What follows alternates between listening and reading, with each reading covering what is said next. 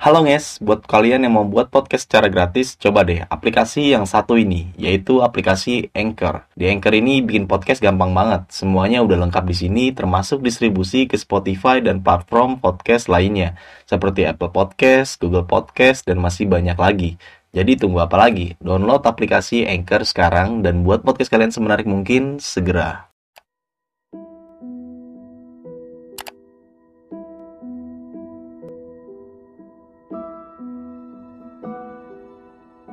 Ketemu sama sosok pendaki dan ketika gue turun gue kan di base camp Mangkeling tuh. Nah Mangkeling menceritakan dan gue menceritakan sosok pendaki itu dan ternyata pendaki itu yang sudah meninggal beberapa tahun yang lalu.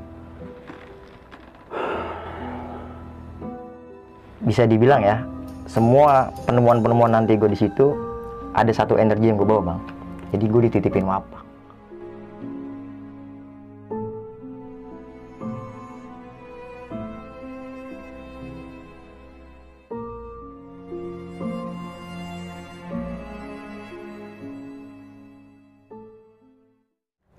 Assalamualaikum warahmatullahi wabarakatuh Balik lagi di besok pagi Kali ini bareng gue Bang Mange Pria gemoy tanpa bahan pengawet Sebelumnya gue sangat berterima kasih banyak buat teman-teman semua yang udah mensupport, menonton dan mendengarkan besok pagi hingga sampai saat ini. Semoga teman-teman semua yang menonton selalu diberi kesehatan oleh Tuhan Yang Maha Esa. Dan di malam ini gue masih mendatangkan narasumber nih. Dan narasumber gue ini jauh banget dari Jaktim Ngap yang pastinya mempunyai cerita mistis ketika pendakian gunungnya nih. Yuk langsung aja kita sapa narasumber kita pada malam kali ini. Selamat malam, Bang Ibnu. malam bang Mange Apa kabar, Bang? Alhamdulillah baik Baik ya. Baik, sibukannya lagi apa nih, Bang? warawiri warwe Warawiri wer ya. Iya. Oke, nah di segmen kali ini Bang Ibnu pengen menceritakan pengalaman pendakian di mana nih, Bang? di Gunung Pangrango Di Gunung Pangrango pada tahun berapa, Bang?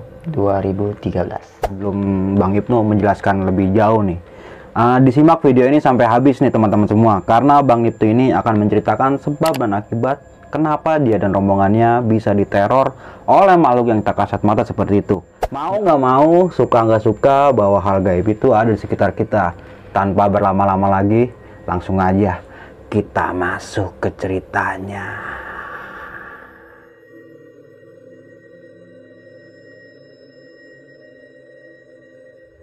Itu gimana sih bang kejadiannya? Lu bisa mengalami hal kayak gitu? Monggo. jadi gue cerita dari awal keberangkatan itu nih bang ya. Jadi gue nih anak tongkrongan. Gue tuh gabut nih bang. Bukannya gabut suntuk lah. Suntuk sama dunia kerja.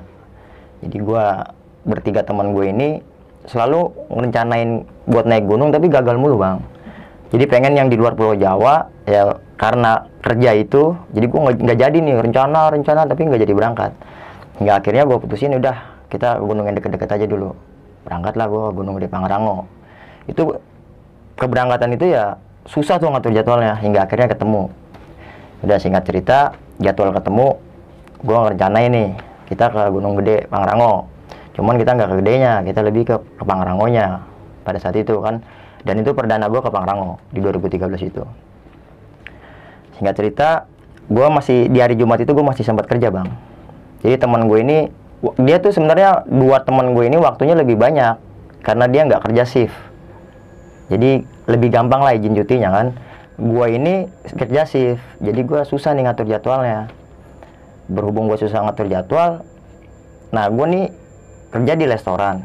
Bisa dibilang Sabtu Minggu itu kan nggak boleh banget bang kerja di restoran kan tahu sendiri lu juga pernah jadi chef kan pernah. Nah, gue nggak dapet izin, gue nekat. Maksudnya bolos lah, bodo amat. Gue udah suntuk dunia kerja pada saat itu. Ya udah, gue bolos. Di Jumatnya gue masih kerja nih, gue ngakalin di Jumatnya biar masih kerja. Jadi gue cutinya Sabtu sama Minggu, bener-bener di hari yang di larang. restoran itu rame kalau itu. Iya, karena customer itu rame-ramenya tuh ngejar omset lah. Hmm. Tapi gue berdampak nih karena gue bolos itu dari pendakian ini. Ya udah, gue udah terlalu suntuk, gue bolos, bodo amat kata gue gitu kan. Ya Udah gue berangkat. Nah, gue ngumpul nih. Ini singkat aja bang ya. Gue langsung ngumpul di rumahnya si Letoy. Pendakian pada saat itu gue bertiga, gue, Letoy sama si Abid. Gue ngumpul untuk beres-beres nih sekian rencana udah siap gue ngumpul di rumah Letoy gue mutusin ngumpul itu jam 8 nah karena gue kerja shift di Jumat ini gue masih kerja gue masuk siang gue telat nih. Gue datang jam 11 gue pulang jam 10 pulang kerja. Si Abid sama si Leto ini udah di rumahnya nih udah siap. Karena gue kan rencana itu bawa satu satu keril satu depek jadi nggak bisa nih dia packing berdua. Jadi nunggu gua dulu baru bisa di packing. Bawaan biar lebih simpel gitu bawaan kan. Ya dia jadi bete tuh dia teleponin gua mulu gitu kan gua lagi kerja diteleponin ya mau nggak mau kan gue bilang gua kerja dulu gua nggak bisa. Karena gua kalau liburnya di Jumat gua ngikut libur ya gua lebih bahaya lagi tiga hari. Udah singkat cerita datang nih gua jam 11 itu ke rumahnya si Letoy. Memang peralatan itu udah disiapin sama dia.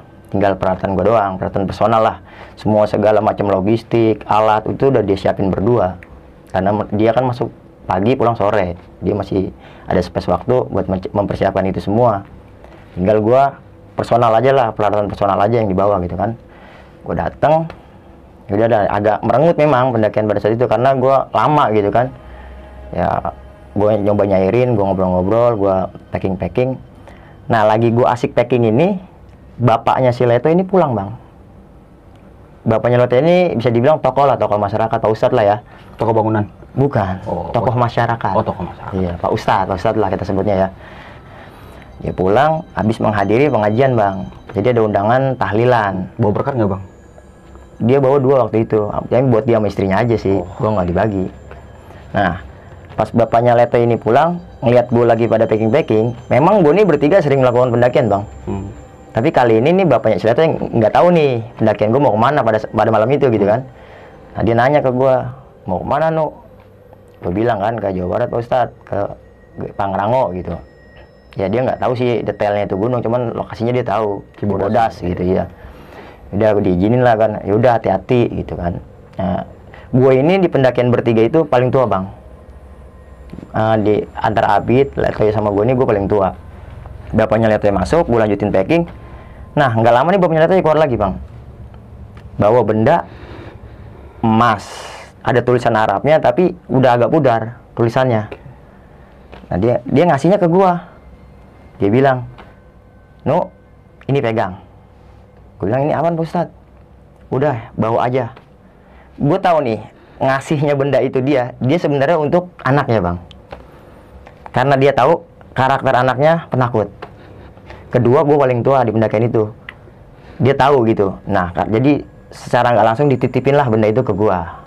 Untuk eh, melindungi kita bertiga menurut dia gitu ya untuk perlindungan gue bertiga atas terlebih untuk si anaknya ini. Jadi dititipin ke gua. Bisa dibilang benda itu wapak lah ya. Gua nggak ngerti sebelumnya tentang tentang wapak segala macam. Gua nggak tahu itu isinya apa gitu kan. Gue dikasih gua ambil. Nah nggak cuma itu. Jadi ada syaratnya bang kata Pak Ustadz ini. Jadi syarat pertama, ketika sampai gue Cibodas, turun dari angkot, gue harus ngirimin doa bang, tawasul bahasanya lah. Gue ngirimin tawasul untuk orang-orang soleh gitu, orang-orang soleh yang sudah meninggal, dikirim, dibacain doa. Itu yang pertama. Yang kedua, ketika nanti dari rombongan kalian atau dari pendaki-pendaki lain ada yang kesurupan, itu benda itu cukup direndamin di air segelas, minumin atau siramin ke yang kesurupan. Nah, gue kan sugesti gue jadi ngawur gitu bang. Yang gue mau naik gunung buat ngilangin suntuk, malah disuguhin yang kayak gitu gitu di awal gitu kan yang lebih ke mistisnya lah. Ya gue kan, Pak Ustadz kita nggak ngerti gini-ginian gitu kan. Eh, gimana cara bawanya gitu kan? Ya udah nggak apa-apa, cukup jalan itu gitu. Nah satu lagi ya syarat yang ketiga, ketika lagi buang air besar itu benda nggak boleh ngikut di badan kita bang. Oke. jadi di- ditaruh dulu gitu kan karena ada tulisan Arabnya kata Pak Ustadz. Oke mau nggak mau suka nggak suka Bahwa hal Gua gaib itu bawa. ada sekitar kita. dan gue bawa benda itu bang. Oke. gue udah beres packing semua. Eh, jadi benda itu gue taruh di tas kecil gue udah itu yang dokumen-dokumen penting dompet segala macam ada di situ kan. Si maksi segala macam udah gue taruh di tas kecil itu sama benda itu tuh udah singkat cerita udah siap semua. Gue berangkat nih bang. Kisaran jam jam 12 kurang lah. Gue berangkat ke terminal Kampung Rambutan. Di terminal Kampung Rambutan itu jaraknya ya dari rumah gua ke terminal itu nggak jauh bang. Karena kan gua basis timur ya Iya. orang timur. Jaktim ya bang. iya. Gua nggak jauh jadi gua nelpon teman gua nih yang pada nongkrong yang nggak ngikut kan. Gua bilang anterin gua ke rambutan gitu kan. Bawa dua motor. Udah eh, teman gua datang gua minta anterin ke rambutan itu kisaran 10 menit lah gua udah sampai rambutan. Karena deket kan. Sampai di sana gua nunggu bis yang menuju ke Cibodas. Nggak lama gua dapat nih bisnya gitu kan karena banyak tuh. Gua waktu itu naik bis doa ibu. Udah keren banget kan bang? Udah doanya doa ibu. Nah gua naik tapi bis itu nggak langsung jalan bang. Dia kayak muter-muter dulu nggak masuk tol. Nyari penumpang ya? iya karena tengah malam. Hmm. Jadi dia tuh muter-muter kayak calonnya tuh pas turun pergi-pergian bang nyari penumpang. Jadi kan nungguin calo itu balik lagi kan lama. Di kondisi yang lama itu gua tidur-tiduran nih. Tidur-tiduran kan. Nah pada saat itu yang gue lihat penumpang di dalam bis itu sedikit. Gue duduk di bangku tiga kan kalau bis itu kan sebelah kiri bangku dua sebelah kanan bangku tiga. Gue duduk di bangku tiga. Tiga bangku ke depan itu di bangku dua ada perempuan pakai baju merah rambut acak-acakan rambutnya panjang acak-acakan. Ya gue mengira ya penumpang pada umumnya gitu kan. Cuman emang agak lusuh. Tapi gue hiraukan karena ya penumpang kan gitu. Udah gue lanjutin karena bis itu masih muter-muter gue tidur tiduran nih bang. Sambil nungguin. Nggak lama gue tertidur gue mendusin nih bangun gitu kan karena udah adem-adem gitu kan. Nah ternyata bis itu udah tol. Itu kisaran ya 15 menit gue udah 15 menit gue istirahat lah. Itu udah masuk tol. Nah gue lihat penumpangnya cuma nambah dua atau tiga orang lah. Nggak banyak gitu. Dia muter lama tapi cuma menambah tiga orangan gitu kan. Ya udah gua hiraukan. Gue lanjutin nih. Tapi buat tidur yang kedua ini gue pakai handset. Jadi buat lebih nyantai lah kan udah di tol gue pikir kan gitu. Udah gua tidur gua karena kalau logikanya kan kalau kita tidur kan kita megang tas gini bang. Mm. maksudnya ngamanin tas lah karena ada dompet kita gitu kan. Kita tidur. Nah nggak lama lagi gue tidur yang kedua ini gue terbangun lagi bang. Jadi gue terbangun tuh atas dasar benda yang di dalam tas ini yang dititipin itu itu ngeluarin hawa panas bang. Jadi badan gue dingin di dalam tol itu. Nah tapi karena benda itu ada di dalam tas itu ada hawa panas panasnya nggak sekedar anget gitu panas benar-benar panas. Sampai gue terbangun. Gue terbangun. Nah gue lihat cewek ini masih ada. Yang baju merah itu yang rambutnya acak-acakan tuh masih ada. Nah teman gue dua duduk di bangku belakang. Gue intip nah dia masih ada. Di- masih terjaga gitu masih nggak tidur. Si Abid sama si Leto ini masih ngobrol di belakang. Nah kan gue ngeliat dia di belakang lagi ngobrol-ngobrol kan gue inisiatif nih. Ah gue nggak tidur dulu dah gue samperin dia berdua. Gue jalan ke belakang nih.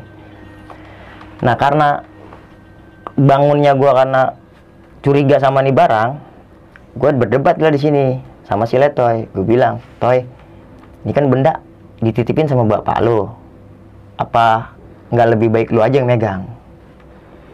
Jadi kan lebih aman lah gue nggak ngerti. Maksudnya kalau mungkin ya ada ada hitungan darah lah kalau anak anaknya yang megang gitu kan bang.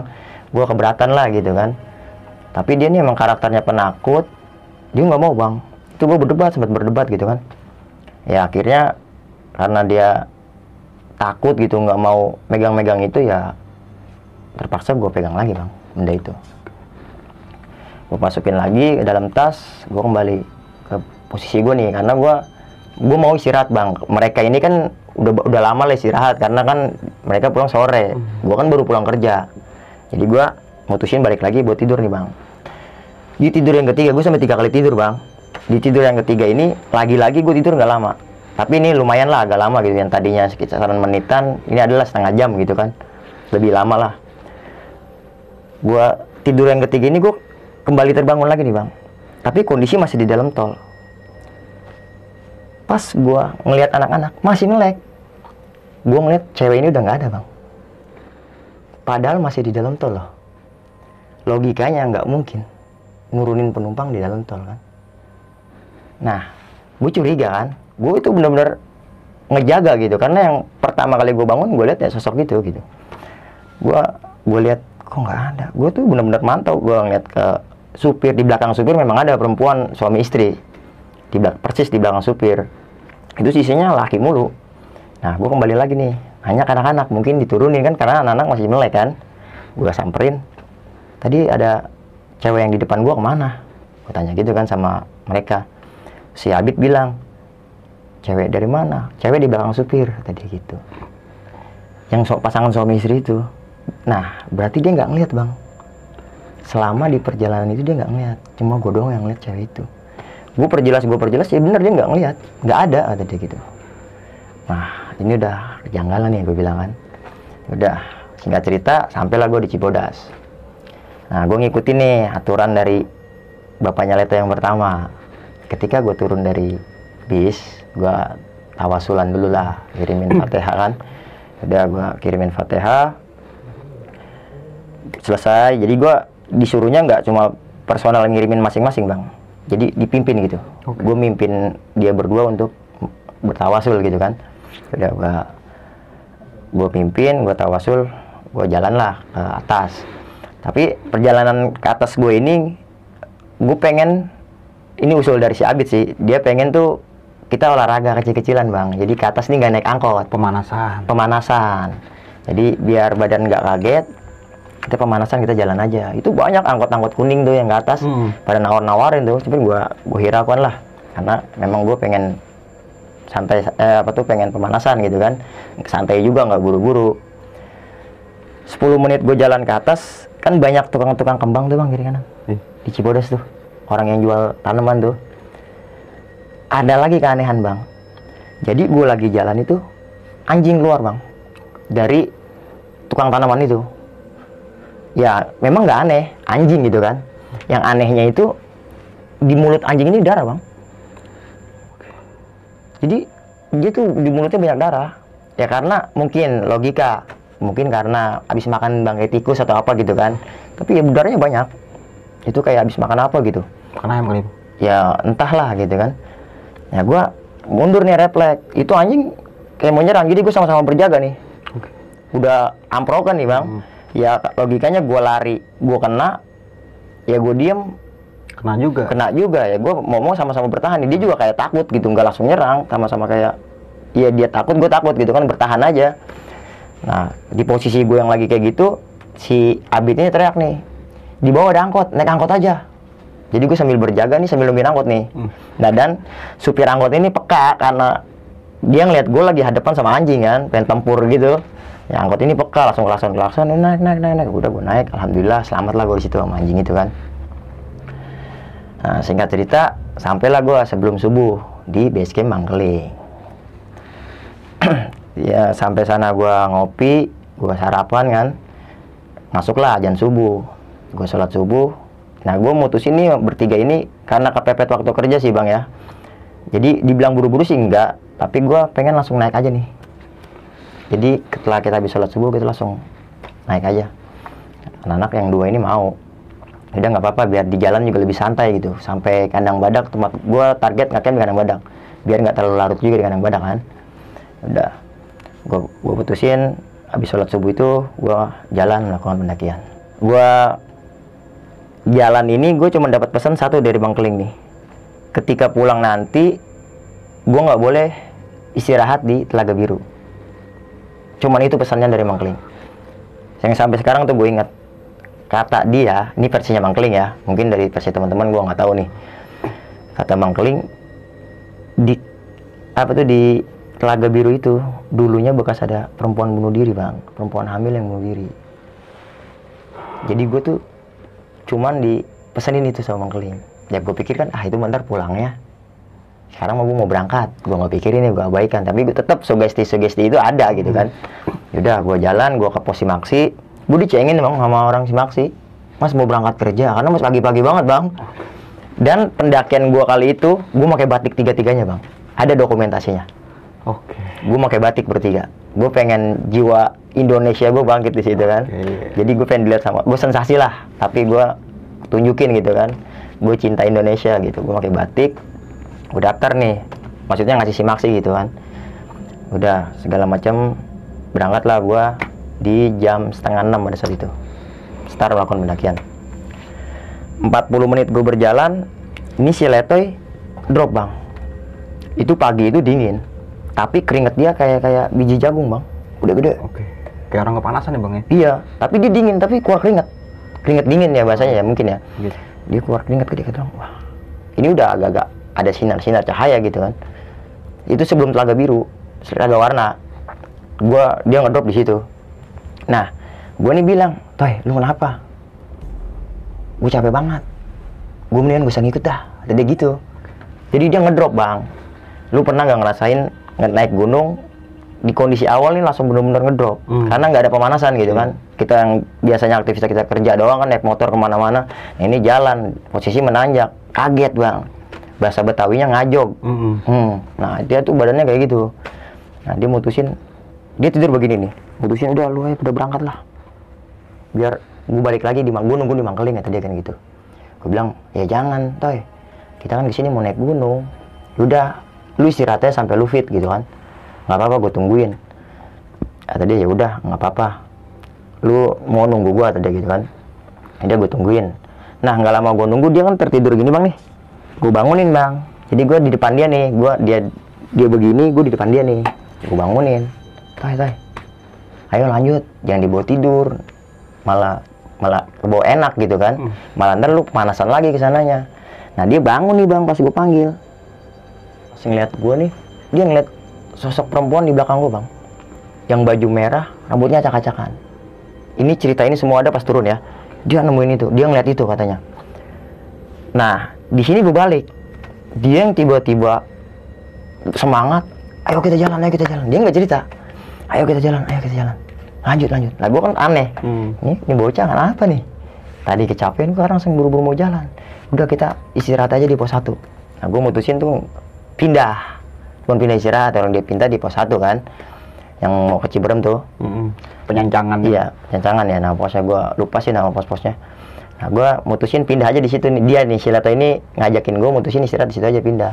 Tapi di kondisi itu dia bener-bener panik bang. Gue kan aneh, dia belum cerita. Di pada saat itu dia belum cerita. Udah, di pagi itu gue lanjutkan perjalanan, sampailah gue di pos 1.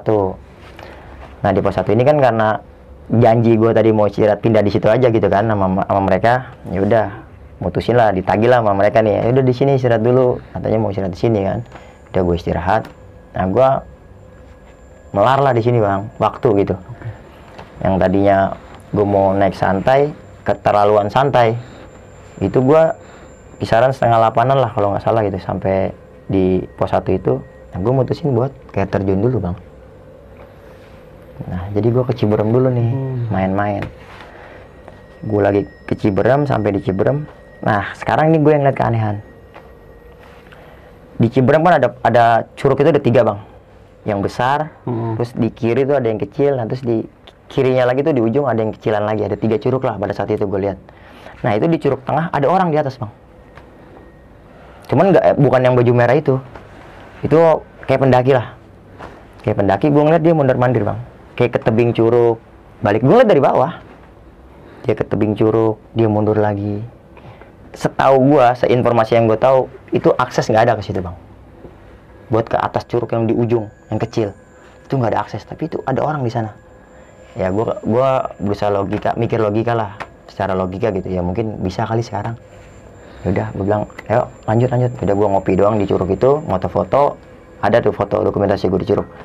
Gue foto-foto, gue lanjut lah melakukan pendakian. Singkat cerita, sampailah gue nih di pos air panas lama bang, Hmm. yang ada kamar mandinya tuh sebelah kiri. Oke. Nah, gue break di situ nih. Gue mutusin buat ngopi lagi kan, karena gue tadi dari pos 1 sampai situ gue ngepur bang, cuman jalan santai. Gue mau, gua mutusin buat istirahat di situ. Gue bikin kopi nih, gue buka nesting, gue masak air kan. Si Leto ini nyender bang, dia adep-adepan sama rumah, eh sama kamar mandi itu. Dia adep-adepan. Gue agak di kirinya dia nih, lagi masak gitu kan. Nah dia tuh ngeliat perempuan yang tadi dia lihat bang, posisinya di belakang kamar mandi lagi ini. Set. Jadi ngelongok-ngelongok bang. Dia langsung, dia gini. Jadi nggak bisa bereaksi bang. Dia datar gitu. Wah gua ini gue bilang anak geblek nih bang. Gua kalau gua ngeliat ekspresinya di situ bener aneh bang. Dia gagu kayak gagu, gitu bang. Sampai sambil nunjuk-nunjuk gitu. Nah gua kan, gua lagi masak kan pengen ngasih dia kopi nih, tapi ngopi terus dia pas lagi pengen gua kasih dia begitu, gitu gitu. Ya kan langsung, lu ngapa tuh lu ngapa tuh ya, terus kata dia dia biasanya nggak langsung ngomong gitu tapi lama tuh gua Hmm. nenangin dia gitu kan. Pas dia dia ngomong kita depanan dikit lah depanan dikit. Nah kan ada turunan tuh. Hmm. itu gue beresin bang. Gue tahu walaupun dia nggak cerita gue tahu dari ekspresi dia. Oke. gua gua kemas lagi gue pindah ngopi nih udah mateng kan? Udah gue bawa gelasnya gue pindah nih agak ke depan dikit. Udah ada ada tempat landai lah di trek temen ada space gitu buat duduk. Gue ngopi di situ. Udah gue jalan lagi nih. Sampai gue di air terjun bang. Air terjun yang di samping jalur. Air terjunnya sebelah kiri. Di situ gue mutusin buat istirahat nih break break doang gitu kan. Nggak eh, santai doang lah. Tapi teman-teman nih selalu lama bang. Jadi gue kayak ngangon nih ayo jangan dibawa enak gitu. Gue bilang kalau mau break diri aja gitu. Nggak apa-apa lu break cuman diri jangan dibawa duduk dibawa enak males lagi. Tapi si Abid ini mutusin gue mau foto dulu tuh di situ. Di air terjun bang. Jadi di bawah air terjun tuh ada kayu lintang nih. Hmm. di bawah air terjun itu. Sesudah air panas lah kalau nggak salah tuh wah air terjun itu. Nah dia tuh jalan nih ke kayu itu bang. Jadi moto di tengah-tengah kayu kan. Nah dia minta tolong nih sama gua nu tolong fotoin dong si Abid ini ya gue fotoin dong karena minta tolong kan? Gue fotoin. Cekrek. itu kamera gua gagal bang. Dia kedip. Hmm. cerak ngambil gitu kan. Ngambil sensor kamera cerak cuman pas gua ngeliat di galeri itu nggak ada. Dia kan udah maksudnya pengen ganti gaya gitu kan. Dia udah mau keluar dari jembat kayu itu kan. Gue bilang tar dulu tar dulu bit. Belum gitu. Gue gituin kan. Udah gue foto lagi cekrek dua kali foto masih nggak ada tuh bang. Fotonya kosong. Nah yang ketiga gue foto nih. Cekrek ah ada nih galeri, ada fotonya bang. Gue ngeliat di kumpulan galeri gitu kan ada. Wah yaudah ya bit. Jalan. Kita lanjut takut sore nih gue gituin kan. Udah gue lanjut. Hingga tidak sampai gue di kandang batu. Di kandang batu gue iseng-iseng nih lagi break gue ngeliat foto Abid yang tadi bang. Pas gue ngeliat foto dia itu dia diri di kayu. Itu keliling dia penuh orbs bang tahu nggak yang kayak cahaya-cahaya Ah, kecil? yang bulat-bulat gitu ya? iya yang bulat-bulat kecil. Itu dia penuh. Kayak pilus, Bang. iya penuh. Pokoknya dia tuh diri di air terjun itu tapi penuh sama orbs tuh. Di kiri kanan itu. Itu gue moto kisaran dua foto atau tiga foto gitu. Yang gue lupa dah. Itu dua-duanya itu semua foto yang ada di situ tuh dikelilingin orbs bang. Penuh. Nah gue kan gue tahu gitu dari eh, apa tuh tentang tentang orbs ini gue tahu. Wah gue bilang sarang memedi nih. Hmm. Berarti gue ntar mikirin terpulang gue nggak mau lama di sini di situ lagi nih. Ya udahlah gue lupain. Jadi gue di situ posisi gue dihantuin bang. Sebenarnya gue dihantuin cuman gue berusaha nih ngendalin rasa takut gue bang. Jadi gue nggak mau dikendalin sama rasa takut. Jadi gue tuh selalu abaikan gitu sama penemuan kejadian-kejadian ini sama yang orbs itu. Gue nggak bilang sama mereka. Udah gue gebrak lagi. Ayo jalan. Kita berangkat lagi takut sore nih. Singkat itu sampailah gue di kandang badak Nah di kandang badak ini gue ketemu gue di kandang badak itu sudah habis asar bang. Memang pendakian gue itu low banget. Hmm. Nah, gue sampai habis asar, gue masang tenda. Di kondisi kandang badak pada saat itu ada satu tenda, temen di ujung. Gue nggak jauh dari jalur pendakian tuh, dekat dekat-dekat patok lah, plang gitu. Gue dekat-dekat situ. Nah ada memang di ujung satu tenda yang lagi beres-beres bang, dia mau turun. Nah, gue mikir berarti malam nanti gue sendirian nih bang, nggak ada pendaki. Wah, gue yang lagi berusaha ngelawan rasa takut, udah mikir ntar malam siang aja gue di jalur kayak gini nih. Curiga gue maksudnya sama pendakian gue perjalanan gue pada saat itu gue curiga gitu kan. Kembali yang gue curigain apa? Sama benda yang gue bawa bang. Karena gue nggak pelajari sebelumnya gitu. Karena gue nggak punya pengetahuan tentang itu udah pendaki itu udah beres-beres bener dia mau melakukan turun ya udah say hi sapa-sapa. Turunlah mereka. Bener di malam itu di kandang badak gua. Cuma satu tenda gua doang bang. Nah ketemu nih bang. Udah gue beres makan udah masang tenda kan udah rapi semua. Gue ya masuk nih ke dalam tenda kan. Gue gabut nih. Bertiga-tiga doang bang naik gunung. Gue gabut. Gue bawa kayak gaplek gitu bang. nah gue main bertiga. Itu kisaran jam 9 malam. Lagi asik gue main gaplek gue denger percakapan orang di luar pakai bahasa Jawa bang. Itu Jawanya yang Jawa-Jawa. Asing. Tapi gue dengar kayak ora apa gitu gitu dah Hmm. pokoknya gue gak ngerti bahasa Jawa cuman gue tahu ini bahasa Jawa gitu. Itu perbincangan seru banget di luar. Di luar tenda deket samping tenda gue karena gue kan ke jalur ya. Itu perbincangan seru banget gue kan gue pertama ngedenger suara itu gue nggak takut bang. Karena gue pikir ah pendaki sampai nih. Mm-mm. mungkin pendaki-pendaki lawas nih sepuh. Gue keluar itu obrolan yang gue dengar perempuan sama laki-laki. Gue keluar nih mantau kan. Gue ambil headlamp gue keluar mantau. Gue lihat terus gak ada orang bang. Itu suara kencang banget. Gue bertiga dengar itu kalau bahasa betawinya uplek banget dia ngobrol. Hmm. teman pakai bahasa Jawa yang tulen gitu. Pas gue samperin nggak ada. Wah. Merinding dong gua. Wah udah gue masuk aja. Gua tutup permainan gue pada saat pada malam itu. Udah kita tidur kita istirahat. Besok kita lanjut buat ke Pangrango. Singkat cerita temulah gue pagi nih bang. Temu pagi gue emang ngaret tuh. Gue niat mau habis subuh gue mau samit tapi gue jam 7 baru bangun. Singkat cerita gue sarapan semuanya udah mantep nih buat melakukan summit. Gue tinggal tenda di situ. Tapi si Abid ini memang dia ngusul bawa aja bang.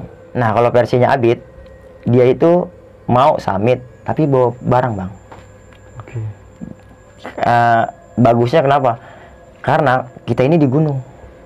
Kalau barang-barang itu kita tinggal barang itu hilang gimana kita bisa bahaya buat kita. Karena memang itulah yang alat yang bisa nolong kita gitu kan Hmm. untuk di gunung. Dan sedangkan itu kita tinggal itu versinya Abid. Boleh kita tinggal tapi ada satu orang yang nungguin. Nah kalau versi gua sama si Leto ini ngikutin pendaki-pendaki sekarang bang. Udah tinggal aja tutup. Mana ada sih yang nakal gitu kan. Tapi ya gosip-gosipnya ada yang nakal cuman alhamdulillah pada saat itu enggak. Dan gue putusin gue ninggal barang di situ. Gue bawa depek yang gue bawa sama sama botol-botol minum lah gue stok di kandang badak itu. Berangkatlah gue nih di jam 8 untuk ke Pangrango. Gue jalan kan Pangrango itu jalurnya zigzag ya bang ya. Hmm. jadi ntar ke kiri ke kanan kiri lagi ke kanan lagi kan zigzag tuh.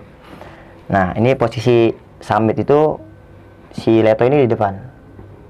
Abid di tengah gue di belakang. Baru ya kisaran dua setengah jam lah. Itu gue lama bang. Gue lama karena gue udah nggak di 2013 itu gue nggak udah jarang naik gunung udah lama karena kerja kan. Jadi gue masih kaget-kagetan itu apa stamina gue gue lama. Ya kisaran dua jam gue jalan lah. Nggak udah deket sih sama puncak. Nah itu gue dengar suara serak serak serak serak serak. Tapi cepet bang? Kayak banyak sampah cuman dia dihajar sama orang jalan gitu. Hmm. serak serak. Cuman suaranya kalau orang jalan kan serak serak serak gitu kan nah kalau dia ini suaranya serak serak serak, serak cepet bang. Nah si Leto ini berhenti. Gue dengar bertiga. Si Leto ini berhenti. Kenapa toy lu dengar gak tadi? Iya binatang kali gue gituin kan. Udah gua lanjut jalan. Itu kan logikanya jalanan tanah bang. Nggak ada banyak sampah gitu kan di jalur itu yang gue dengar itu. Tapi suara sampah dari mana nih? Nah gua si Leto ini takut nih karena gue ngejelasin kan ini sampah dari mana nih? Nggak mungkin nih nendang sampah segini kencangnya gitu kan. Sampah daun. Nah terus si Leto mutusin nih lu pindah ke belakang aja gue di tengah Abid di belakang kata si Letoy. Udah gue tukar posisi kan gue di depan. Lok gue lanjut perjalanan. Di jalan itu kan di jalur Tangerang itu kan ketika kita udah mau deket tuh jalur tanah bang tuh sebelum sebelum yang jalur landai itu tanah. Nah gue ngeliat telapak bang. Telapak macan nggak tahu macan nggak tahu apa gitu ya. Pokoknya telapakan harimau lah bisa bilang itu di tanah bang. Ada dua telapakan. Nah di sini gue mikir mungkin yang suara tadi nih suara binatang ini nih. Ketemu setan oke kita masih bisa nahan bang. Ketemu macan. Makin nggak beres nih gua. Set berusaha ngelawan setan aja. Dari takutnya sama setan gitu kan. Gua udah berat. Sekarang binatang nih bang. Yang nggak punya akal ketika ngeliat manusia langsung nyerang kan gitu apalagi macan kan. Iya gua udah semakin nggak beres lah kacau lah pikiran gua. Aduh tadi gua dari kemarin-kemarin udah dihantuin hantuin sama sosok nggak jelas. Ini sekarang sama binatang. Udahlah, Bismillah dalam hati gua. Bismillah. Sampailah nih gue di puncak di patok tuh. Gue foto-foto gue upacara kecil-kecilan lah. Kayak kan gue pada saat itu pakai batik bang. Hmm. jadi gue biar lebih nasionalisme lah. Oke. Itu mungkin memper- memperingati Hari Batik Nasional mungkin? enggak. Enggak gue emang inisiatif aja sih. Oh inisiatif. kita pakai batik sensasi sih sebenarnya. Ketemu pendaki-pendaki kan kayaknya lawas lawas banget gitu pakai batik kan gitu. Sensasi sih sebenarnya. Cuman ya lagi-lagi sepi bang. Oke. jadi gue nggak ketemu. Ya rame sih cuman pas turun pas nanjak ini gue sepi. Ketemu cuma beberapa lah cuman cuman saya-saya aja di Pangrango ini benar memang sepi bang di Pangrango ini ya sampai sekarang pun nggak banyak lah orang yang ke Pangrango Nah, jarang. Nah, pada saat gue sampai puncak ini, gue foto-foto, gue ya, kayak upacara-upacaraan gitulah, foto-foto di bendera dipatok. Ada nanti fotonya bang. Tapi muka gue masih jelek banget tuh bang. Sekarang udah gantangan dikit. Sama Besi. Mungkin aja nanti. Iya. Ya. Nah pas gue selesai foto, gue ngusulin nih. Yang gue tahu nih ke bawah masih ada nih Mandalawangi, Iya. ya kan? Turun kita ke bawah. Udah gue turun ke bawah. Sampai gue di Padang Man- Padang Savana Edelweiss tuh di Mandalawangi. Hmm. Pas banget di pas keluar Savana tuh ada pohon Edelweiss tinggi. Itu gue sampai kisaran ya kalau nggak salah siang-siang lah bang. Itu panas. Nah karena itu panas, gue nih inisiatif berteduh di bawah pohon Edelweiss yang tinggi itu bang. Jadi gue senderan nih. Gue lagi senderan, gue ada seberang kan kan gini bang nih, ini jalur kita sampai Padang Savana, ini kan hutan lagi nih. Mm-mm. Nah, gue ngelihat ke hutan itu, itu ada jalur bang, kayak ada jalur. Gue samperin kan, gue lihat ini ada jalanan nih. Tapi gue nggak nggak berani lewatin gitu bang. Ini jalur ke mana gitu kan? Gue nggak tahu nih jalur ke mana. Gue balik lagi ke anak-anak, gue foto-foto tuh di ada kayak ada tilasan gitulah. In memoriam bang. Iya, in memoriam. Gue foto-foto di situ. Nah, gue duduk lagi nih bang. Nah, pas gue lagi duduk, itu di jalur yang tadi gue lihat, itu ada pendaki bang. Cowok, dia tuh pakai jaket tapi bukan jaket pendaki, jaket biasalah, jaket biasa gitu. Itu dia putih bang, mukanya gitu, itu putih, pucat. Cuman gue berpikir pada saat itu ya itu pendaki gitu kan. Dia tuh keluar dari jalur itu dari semak-semak itu yang gue bilang tadi jalur. Dia keluar dari situ. Dia cuma ngeliat gue itu kan karena agak jauh kan jadi gue nggak nggak begitu jelas gitu. Tapi itu, dia tuh keluar. Keluar tapi masuk lagi bang. Oke. nah kan gue lihat wah tadi jalur yang tadi gue lihat kan itu. Gue res- respect nih ya, buat nyamperin gitu kan buat negor lah. Gue samperin tak tak tak tak. Gua dia kayak ada air gitu. Gue loncatin gue ke jalur itu udah nggak ada bang. Gue udah nggak ngeliat lagi. Gue pikir wah lari kali ini anak. Gue gituin kan gue pikir. Dia bawa keril wah lari kali ini udah nggak kelihatan kan. Gue balik lagi ke anak-anak. Gue mutusin buat turun nih. Jadi gue nggak lama bang. Sebelum turun kita ngambil air dulu. Lagi-lagi gue bang yang disuruh. Nah gue ngambil air nih di jalur yang tadi gue loncatin itu airnya di situ kering dia ada bang. Cuman gue harus gali dulu biar bisa botol itu masuk kan. Biar bisa keambil gitu. Hmm. nah gue males bang gali-gali. Gue ngikutin jalur air ini gue melimpir nih ke kiri. Kayak ada kobangan. Gue ngeliat ada kobangan gue samperin plak plak plak nggak lama gue mau menuju kobangan itu gue ngeliat buntut bang. Buntutnya doang dari kejauhan itu pas gue deket itu air kayak ada ombak tuh. Der der der. Hmm. gue ngeliat macan lagi minum bang. Dia nggak gede dia kecil. Kayak anak anjing lah. Nggak gede. iya kucing gedean dikit. Anak anjing lah iya. kayak gitu jadi dia tuh lagi minum. Wah, gue langsung gila nih. Ya gue langsung mundur dong. Hmm. gue mundur pelan-pelan gue mundur pelan-pelan udah gue balik anak-anak. Gue nggak jadi ngambil dari situ. Ya akhirnya gue gali-gali juga kan. Gue gali gue nungguin bening baru gue tadahin air di botol turun lah gue singkat cerita pas gue mau jalan turun pas gue mau jalan turun pendaki itu ada lagi bang. Yang tadi pendaki gue lihat ada lagi. Itu lebih jelas. Itu dia yang gue lihat nih sekarang dia dari luar mau masuk ke dalam mau masuk ke dalam jalur yang tadi gue lihat itu. Yang tadinya kan dia mau keluar tapi sekarang yang gue lihat dia udah dari luar mau ke dalam. Itu nah itu lebih jelas bang yang gue lihat. Tapi kali ini dia mau masuk ke semak-semak jalur itu. Itu gue ngeliat jelas banget dia pakai jaket hitam bukan jaket gunung ya dia pakai jaket hitam dalamannya oblong warna putih dia pakai celana panjang bawa keril. Oke.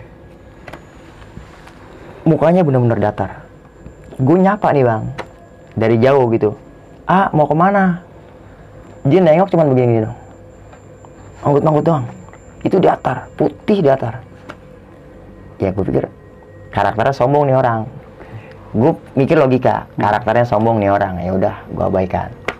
Gue ketemu teman-teman gue gue turun.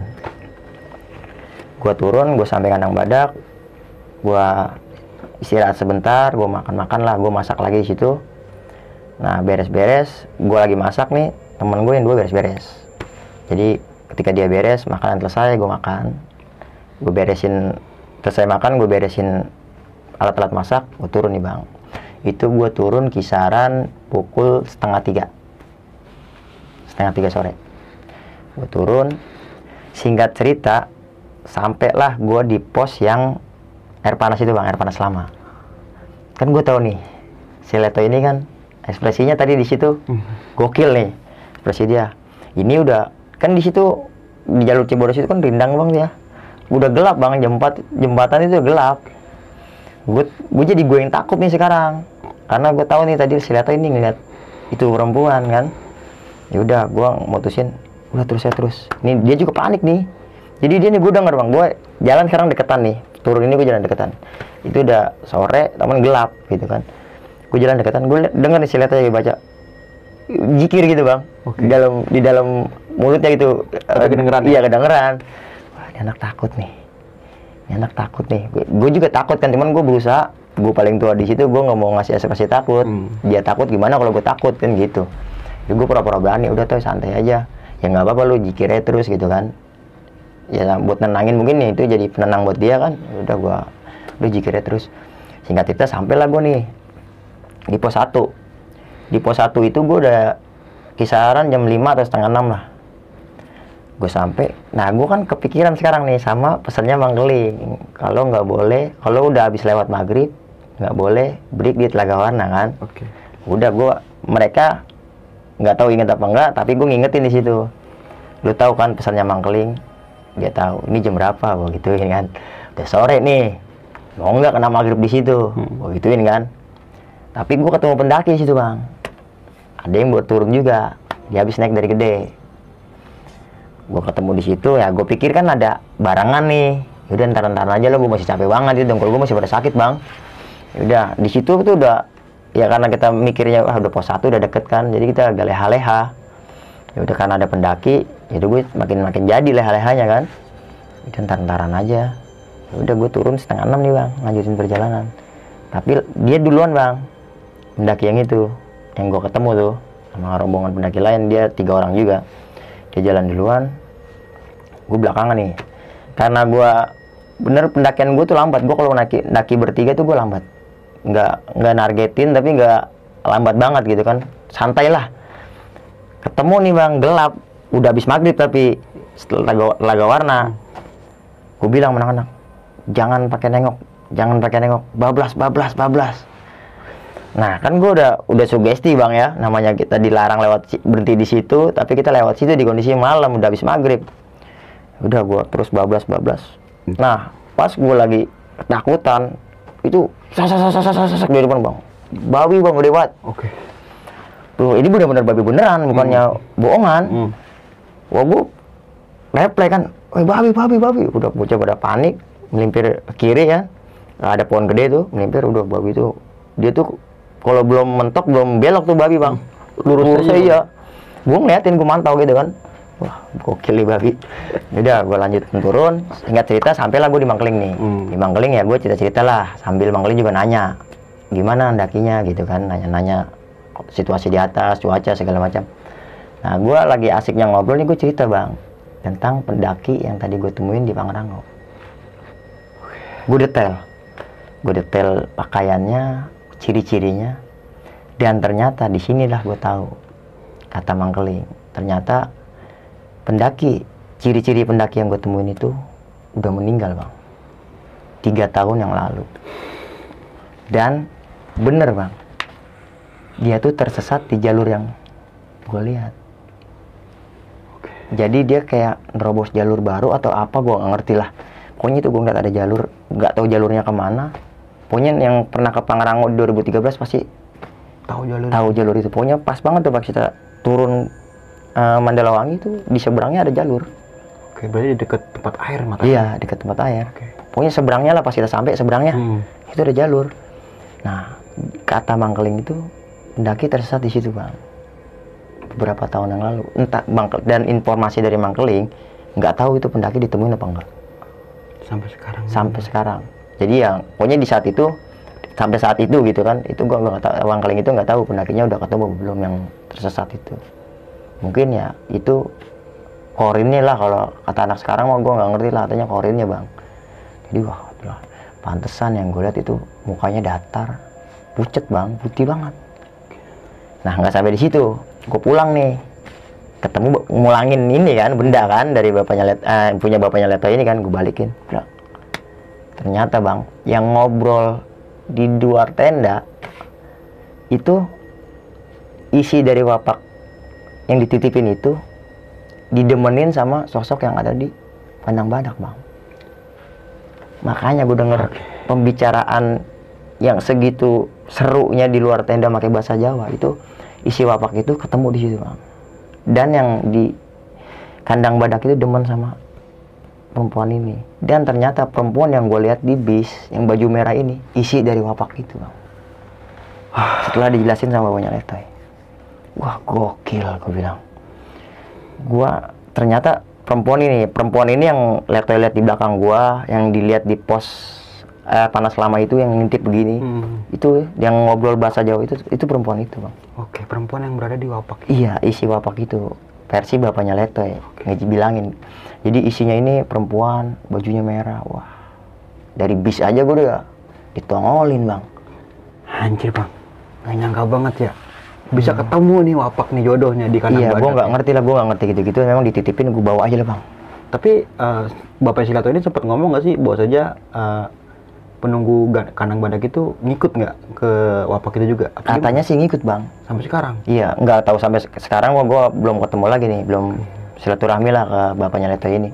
Pokoknya pada saat itu katanya ngikut. Jadi pas gua mulangin ini, lu bawa siapa gitu? Lu bawa siapa? Hmm. Cuman bilangnya cuma ke gua nih, pas gua lagi mulangin, lu bawa siapa? Nah, dicari tahu lah sama mungkin dia ngerti kan. Cari tahu ya. Itu juga dikasih taunya selang berapa lama gitu. Ternyata yang gua bawa satu sosok baru katanya. Hmm, hmm. Dari kandang badak ini demen sama Suka sama yang ada di wapak itu Iya nih. Jadi yang ya intinya gue bawa sosok baru bang, Hmm. yang demen sama isi wapak itu versi bapaknya Letoy. Dan ada juga bang versi dari teman gue nih, si Abid ini. Ya ini karena si Abid ini kan karakternya pendiam. Heeh. Jadi dia lebih banyak cerita di rumah bang. Nah penemuan-penemuan ini tentang sosok merah ini, si perempuan isi wapak ini, dia tuh ceritain ke gue bang. Cuman ya karena durasi juga mungkin di sini bang ya. Nah, tapi dia udah sempat ceritain nggak nih ke tempat lo? Ada bang, dia udah cerita di channel gue. Nah, Oke, mungkin uh, yang penasaran teman-teman semua langsung aja nih setelah melihat video kali ini Iya. meli- bisa langsung aja nih melipir ke channelnya Bang Ibnu ya, Super Iya. Misteri ya. Di situ juga lu menjelaskan bahwa saja si Abid ini udah menceritakan pengalamannya nih di Iya, menurut sudut gua. pandangnya dia nih. sudut pandangnya dia gokil sih bang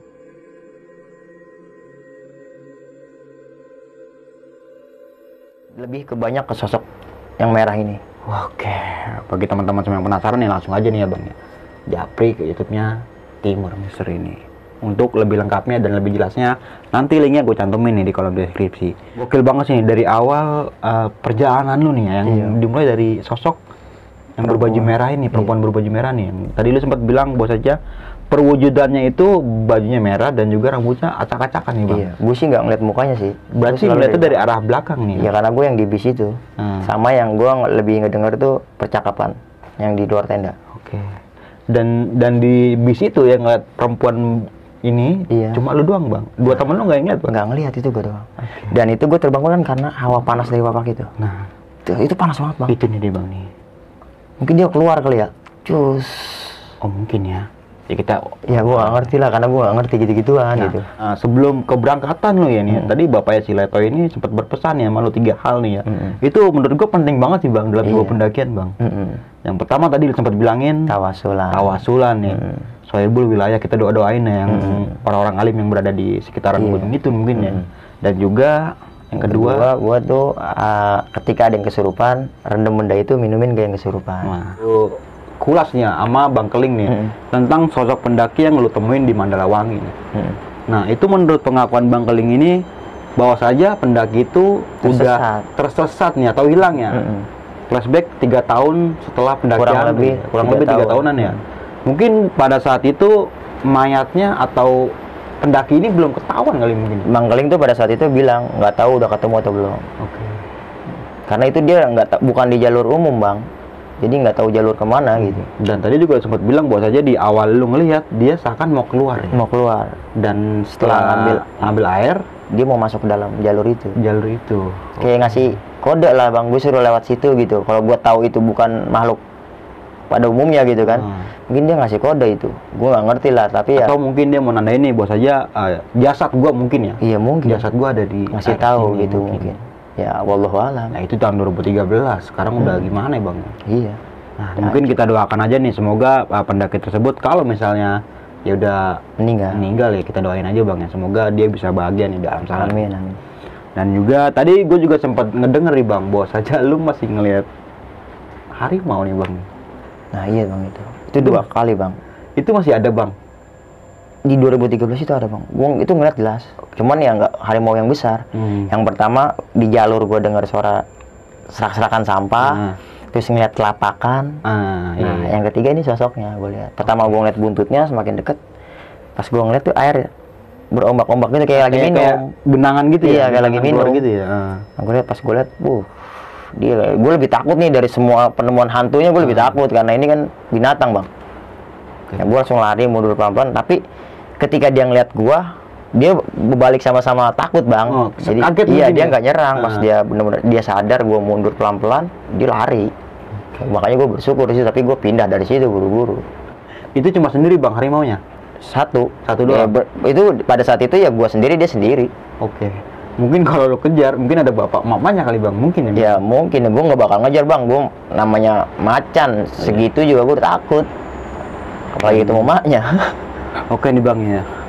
Thank you banget nih bang ya udah pengen berbagi pengalaman pendakian lo di ya. sini lagi nih bang nih. Jangan lupa aja nih teman-teman setelah melihat video kali ini lu bisa langsung japri ke channelnya Bang Ibtu nih Timur Misteri.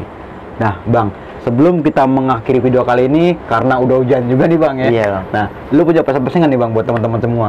Pesan-pesan sih buat teman-teman ya kalau kita mendaki siapinnya semuanya biar safety. Oke. Itu aja bang. Itu aja ya. Iya. Dan juga attitude dan sopan santun perlu banget dijaga bang ya. Siap. Nggak cuma digulung aja nih teman-teman semua. Di kantor, di tempat kerja, di mana pun semua teman-teman berada, minimal banget itu juga nih sopan sama santun. Dan juga melakukan pendakian dengan orang yang berpengalaman dan pastinya safety dalam dunia pendakian.